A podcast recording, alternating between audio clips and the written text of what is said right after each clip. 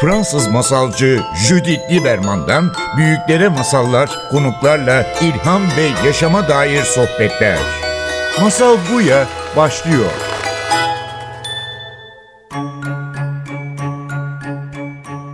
Masal Buya hoş geldiniz. Bugün Banu Kanibeli ile beraberiz ve bugün müzik konuşacağız. Müzik bize neden iyi geldiğini. Banu bir müzisyen, bir şarkı yazarı ve aynı zamanda bir eğitim psikolog ve bu iki alanları birleştirerek hem psikoloji, hem müzik, hem besteciliği çok güzel sorular soruyor. Örneğin müzik bizi nasıl birleştirir? Bana evet, hoş geldin. Hoş bulduk, merhaba. Teşekkür ederim bize katıldığın için. Ve ben ilk teşekkür önce, ederim. İlk önce şey sormak isterim. Diyorsun ki müzik birleştirir. Evet. Nasıl? Önce aslında e, yaşarken şöyle sordum. Müzik birleştiriyor mu diye bir soruyla çıktım. Çünkü bunun böyle olduğunu hissettim bir şekilde. Bir şarkıyı söylerken, o şarkıyı e, bir grup insanla paylaşırken Önce o duyguyu hissettim ee, ve o çok büyüleyici bir şeydi. Sanki bir e, şarkının içinde o şarkının yarattığı bir mekan var ve biz o mekanda bir araya geliyoruz. Sanki bir bulut böyle üzerimizde bizi kaplıyor ve biz onun içine giriyoruz oraya o süre içinde ve gönüllülükle giriyoruz, isteyerek giriyoruz o, o isteyerek bir arada olmanın yarattığı o duygu öyle bir e, yaşantı ki her ne kadar şarkı bitince bitse de orada bir şey yaşamış oluyoruz ve ne yaşıyorduk biz, neydi bu yaşadığımız diye sorarak başlamıştım. Ve bu tabii ki ruhumuza iyi geliyor değil mi? Evet. Yani sen diyorsun ki bazen müzikle ruhumuza egzersiz yaptırabiliyoruz. Yani ruh egzersiz olabilir mi müzik dinlemek? Evet çünkü onu yaşarken biz aslında hep bir şekilde isteyerek ya da istemeyerek kendimizi içimize hapsetmiş bir şeyimiz var, yaşantımız var, sınırlarımız var. Ben ve başkaları, ben ve diğerleri. Ne hissettiğim ve ötekilerinin ne hissettiği hani eğer bunu istersek böyle bakmak. Bunun dışına çıkabilme bize fırsatı sunuyor aslında bu müzikle yapılan, yaşanan deneyim. Bir çeşit ruhun egzersizi evet bir başkasının duygusunu o şarkının içinde çok gerçekmiş gibi hissedebilmek ya da kendi geçmişte yaşadıklarımızı tekrar müzikle beraber hatırlayabilmek ve yaşayabilmek. Hatta müzik insan toplumlarının gideceği yolculukta daha henüz yaşanmamış olan bazı kodları bile içeriyor olabilir.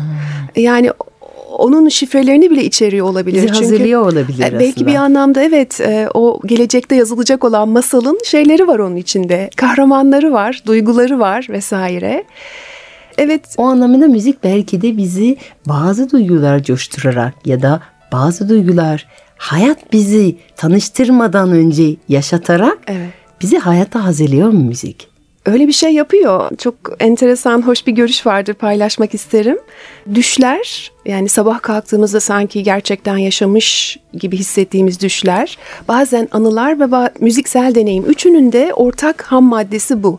Sanki bir şeyi daha önce yaşamış gibi bize o hissi fantazmagorik hatta e, denen bir yapı içeriyorlar. Bunun tabii hem çok eski zamanlardan bu yana, antik Yunan'dan bu yana nasıl olduğunu e, sormuş düşünürler ve bugüne kadar çeşitli kuramlarla açıklamışlar. Ama aynı zamanda son zamanlarda beyinle ilgili e, bir takım çalışmalar da var. Bunu nasıl meydana geldiğini hmm. açıklayan. Çünkü gerçekten bu bu müziğin beynin çok geniş bir alanında yaşanıyor olmasıyla beynin bütününe hitap eden belki de en güçlü ve tek araç müzik olabilmesiyle de açıklanıyor bir taraftan. Dün çok ilginç bir şey okudum. Encyclopedia Britannica'nın 1911 11 sayılı baskısında sanatın ve şiirin aslında şiir demiş ama şiir o şarkıdaki e, liriklerle ve sözlerde de bir tutarak ve yani sanatın yaptığı adına da e, konuşabiliriz belki. İnsanın ateşi bulması kadar e, önemli bir şeydi, e, katkıydı. Oo. Evet çünkü e, bununla birlikte aslında o şiirdeki o bir araya getirilmiş hani bir bavul dolusu duygu var içinde ama onu küçücük bir formatta sözlerin içine sıkıştırmak aynı şekilde şarkının içine sıkıştırılan duygu ve düşünceler olarak da düşünebiliriz. Savaşları başlatmış, savaşları bitirmiş her türlü duyguyu aktarmış ve insanın devamı evet buralarda ve belki de insanın o tarihin öyküsünden de önce gidiyor gerçekten evet. biraz önce konuştuğumuz gibi sanatın yaptığı şey. Söylediğin bana çok doğru geliyor yani sanat sanatsal ifade ateşin buruşun kadar önemli olması bence çok doğru. Bunun, Çünkü evet yazması da çok ilginç değil mi? Hani evet. Ansiklopedide. Evet, evet aynen yani evet. onu o kadar resmi olarak oturttular. Evet. Peki biz şehirde en azından çok hızlı bir hayata kapılıyoruz bazen. Hmm. Sence müzik o konuda bizi nasıl yardım ediyor? Ah, evet. Ve de ya da ne yapabiliriz? Yani şehirdeki hızlı yaşamla acaba biraz da bu hani popüler tercihlerimizin de belki birazcık ilişkisi var. Hani şehirdeki hızlı yaşam hayatın gerektirdiği bir hız tabii ki içinde gidiyor. E ve bir de bu hayatın içinde bir takım popüler seçenekler de sunuluyor bize. Bunun içinde popüler müzik de var popüler müziğin birazcık uzağında durmak değil, birazcık sorgulayarak bakıp kendimize iyi müzik, hani müzik adına konuşuyoruz şu anda değil mi? Hani yapılabilecek çünkü çok daha farklı şeyler var yavaş, daha yavaş yaşamak adına ama müzik adına iyi müzik dinlemek, e, canlı müzik dinlemek, o canlı müzik e, yapan müzisyenlerin yanında olmak bir anlamda. Tabii müzik hayatını, müzik yaşantısını desteklemek. Acaba popüler müzik bizim hizli akışımıza his katan bir müzik midir acaba? O bizi yavaşlık, denge katmak yerinde haydi gayret daha hızlı koş diyen bir tarafı var değil mi? Çık çık çık küçük küçük küçük diye ee, sanki böyle e, böyle bir asker e, davulun mantığında şehir insana daha hırslı, daha hızlı, daha fazla yapmaya çağıran bir ritim var popüler müziğinde. Ben de evet yakın bir şekilde şöyle ifade ederdim herhalde. Düzene uyumlu bir e, müzik. E, evet. Dolayısıyla düzen yani mevcut e, düzen hızlı yaşamayı gerektiriyor her anlamda. Popüler müzik de bununla uyumlu. Yani evet, ondan ileri bir iddiası olmayabilir ama içinde kullandığı sloganlar evet e, mevcut düzeni destekliyor. Onunla evet. birlikte aynı sesi çıkartıyor, aynı tonu çıkartıyor. Ne zaman başlıyor çocukların müzik dinlemeye? Ah, 18 hafta. Yani e, anne karnında evet 18 hafta hatta hareket de galiba 16 haftada duyulur. E, değil mi? İlk hareketi de o zaman duyarız. Yani aslında yaşamla ilk temasımız hareket ve ardından ses. Bizim için çok önemli bir şey o hareket. İlk temas olan o hareket ve sonra onu müzikle birleştirmek. Benim annem bana hamile olduğu zaman yani 70'ler o zaman Donovan diye bir şarkıcı vardı evet. çok popülerdi. Annem her birimiz için ben ve kardeşlerim için birer müzik seçti. Ve bunu o zaman sürekli biz kanındayken o bir şarkıyı Aa, dinletirdi. Benim için Donovan'ın bir şarkısıydı. Ee, çocuk ağlamasıyla başlayan çok ilginç. O şarkının başlangıçta bir çocuk ağlıyor. Aha. Sonra Donovan Lullaby diye bir şarkı. Ona bir tane küçük şarkı söylüyor. Bir çocuk sakinleştirmek için yazdığı bir şarkı. Annem de bütün o 9 ay boyunca bana bu şarkı dinletirdi. Ve sonra hedef bu ki doğumdan sonra bütün 9 ay boyunca dinlemiş şarkıyı çocuk o şarkı tanır ve en öfkeli ya da ağladığı zamanlarında o şarkı çaldığı zaman anında sakinleşir. Evet. Annem çok etki ettiğini söyledi. İlginç olan şu ki çok ilginç. ben bu plak yeniden keşfettim. Hiç haberim yoktu. Ergendim annemin eski plakları karıştırır. Donovan bu albümü koydum. Birden bu şarkı geldi bir şey yaptım. Anne bu şarkı ne güzel. Annem gülümsedi ve dedi ki bu tabii ki sana iyi gelir. Ya, bu senin şarkın oldu. dedi. Bu senin şarkın. Çok hoş. Ve hiç bilmiyordum. Ve hala çok yani örneğin evet, şu an benim evet, evet, e, telefonum listesinde o var çok ve çok dinlerim şey yani trafikte evet. bana hala, hala iyi bunu geliyor. Bilmek, bunu bilmek. Sana bununla ilgili bir şey anlatmak istedim. Kızılderililer Amerikan Kızılderililerinde bir şarkı sadece bir insana özel yapılırmış eğer genç bir erkek bir kıza aşıksa bir sazdan işte şeyini yapar flütünü de ki o parçayı o kız için yapar. İşte kız dere boyuna su almaya geldiğinde sazların arkasına saklanarak o şarkıyı söyler ve kız bu şarkıyı beğenirse oğlunun peşinden gidermiş ve aslında o şarkı ona ait olurmuş. Başka da kimse bunu bilmez ve duymazmış. Ve o insan bu hayattan gittikten sonra da o şarkıyla anılırmış. Yani Düşünsenize. Çok güzel bir evet, hikaye. Evet. Banu teşekkür ederim bizi eşlik ettiğin için bu sohbet için. Bugün devam etmek için sana tam da anlattığın konu üzerinde bir masal anlatmak isteriz. Varsan Gözde'nin eşliğiyle masal saati seve başlasın. Seve bekliyorum. Teşekkür ederim. Ben teşekkür ederim. Adı Rüzgar'dı. Rüzgarla esen bir dua gibi insanların saçlarını dağıtıyor, kalplerini açıyordu. Ama yine rüzgar gibi bir türlü uslanmıyor veya işe yarar bir şey ortaya koymuyordu. Bir neyzendi ve günlerini her yönden esen rüzgarları yani öğretmenlerini dinleyerek geçiriyordu. Sokaklara, tepelere, derelere, çayırlara ezgilerini sunuyordu. Annesi bir iş bulması, yuva kurması için sıkıştırıyordu. Hangi kadın senin gibi bir hayalperestle evlenmek ister diyordu ve ağlıyordu.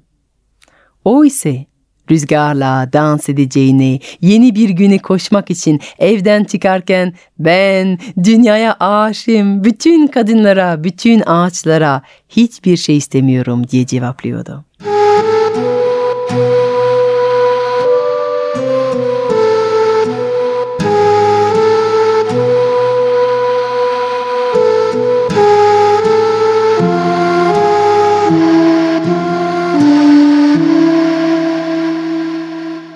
Gün bir kayanın üstünde oturmuş kalbindekileri dereye dökerken su ile beraber akan inci gibi bir kahkaha duydu. Kayanın üzerinden baktığında sultanın kızının yardımcılarıyla birlikte yıkandığını gördü. Bu hayatında gördüğü en güzel manzaraydı. Kayanın arkasında saklandı ve güzel müziğini çalmaya başladı.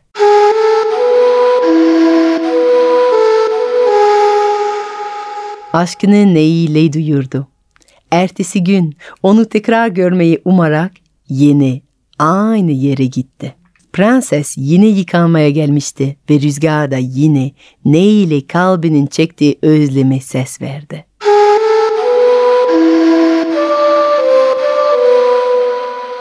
Her gün gelip buraya ne çalıyor ve görünmeden onu izliyordu. Sultanın kızı her gün yıkanmaya geliyordu aşkın tohumları serpildi. Filizken bir çalı oldu ve çok geçmeden göğsünde vahşice büyüyüp kalbini sarmaya, dikenlerini batırmaya başladı. Rüzgar artık yemek yemiyor, uyuyamıyordu. Sadece kayanın arkasında aşkını neyle üflerken huzur buluyordu. Zayıflamaya başladı. Annesi endişeleniyordu. Normalde neşe dolu ve hayatta aşık olan oğlu sessiz ve mutsuz bir haline gelmişti.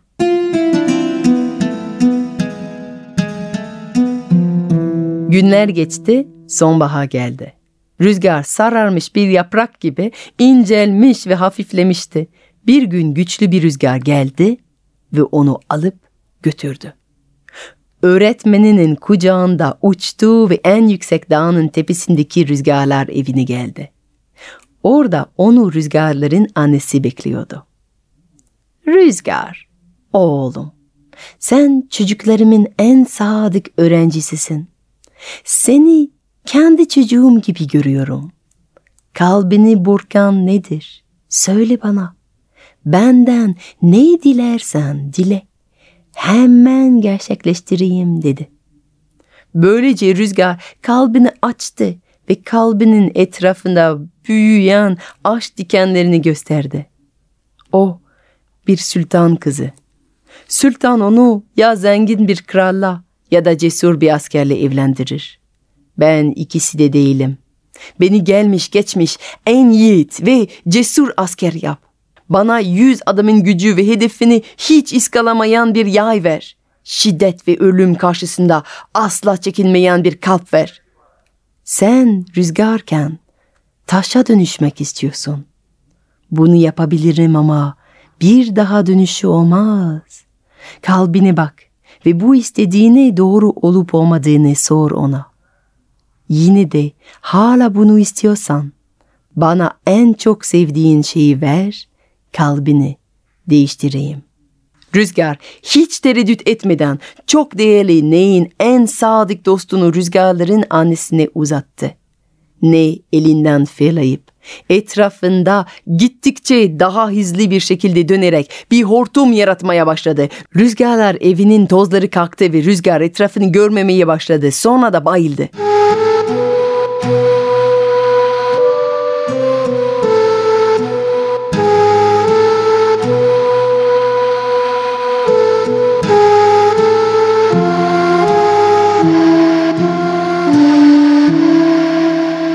Uyandığında çöldeydi.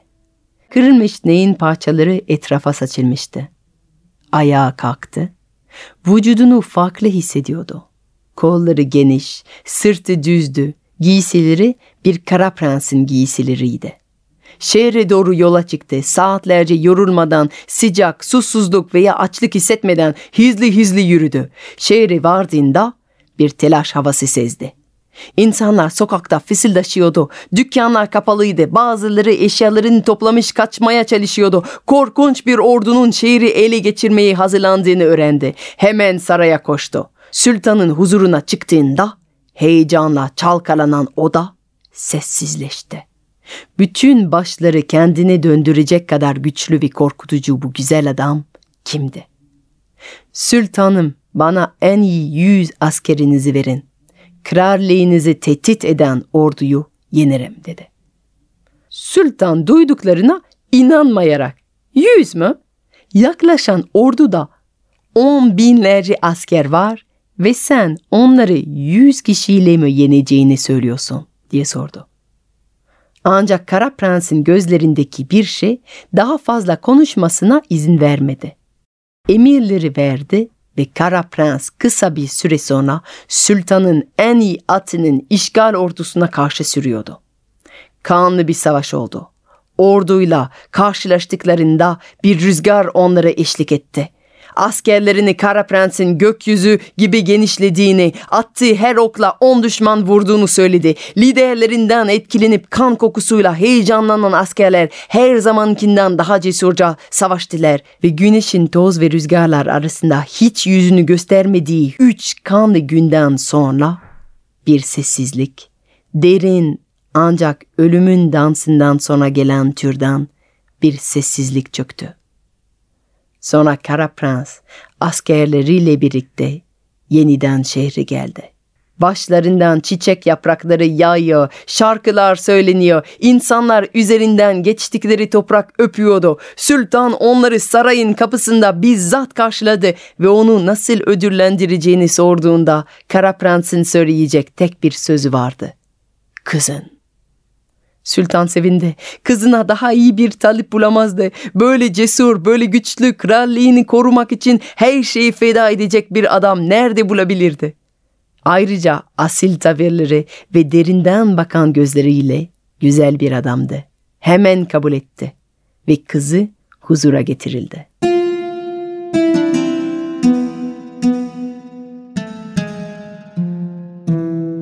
Ertesi gün Kara Prens ve Prenses bahçede buluştular. Prens diz çöküp prensesin elini tuttu ve ona aşkıyla yandığı söyledi. Kız kafasını çevirip konuşmaya başladı. Ben prensesim ve babam kimi seçerse onunla evlenmek zorundayım. Ülkemize büyük hizmet ettin ve seninle evleneceğim. Sana karşı iyi ve uysal olacağım. Ama kalbim asla senin olmayacak. Çoktan başkasına verdim. Bana kızma. Sıradan bir gündü. Nehirde yıkanıyordum. Ve güzel bir ezgi duydum. Bir kayanın arkasında bir adam saklanmış, gözlerini kapanmış, neyini üflüyordu.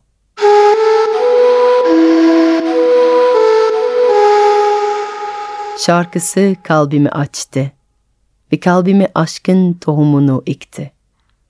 Her gün onu tekrar görmeyi ve dinlemeyi umarak nehire gittim. Hep oradaydı.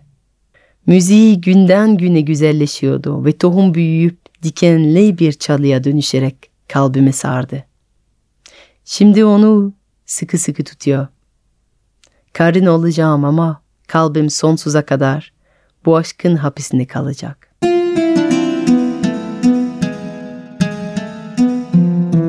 Rüzgarların anesi onu uyarmıştı.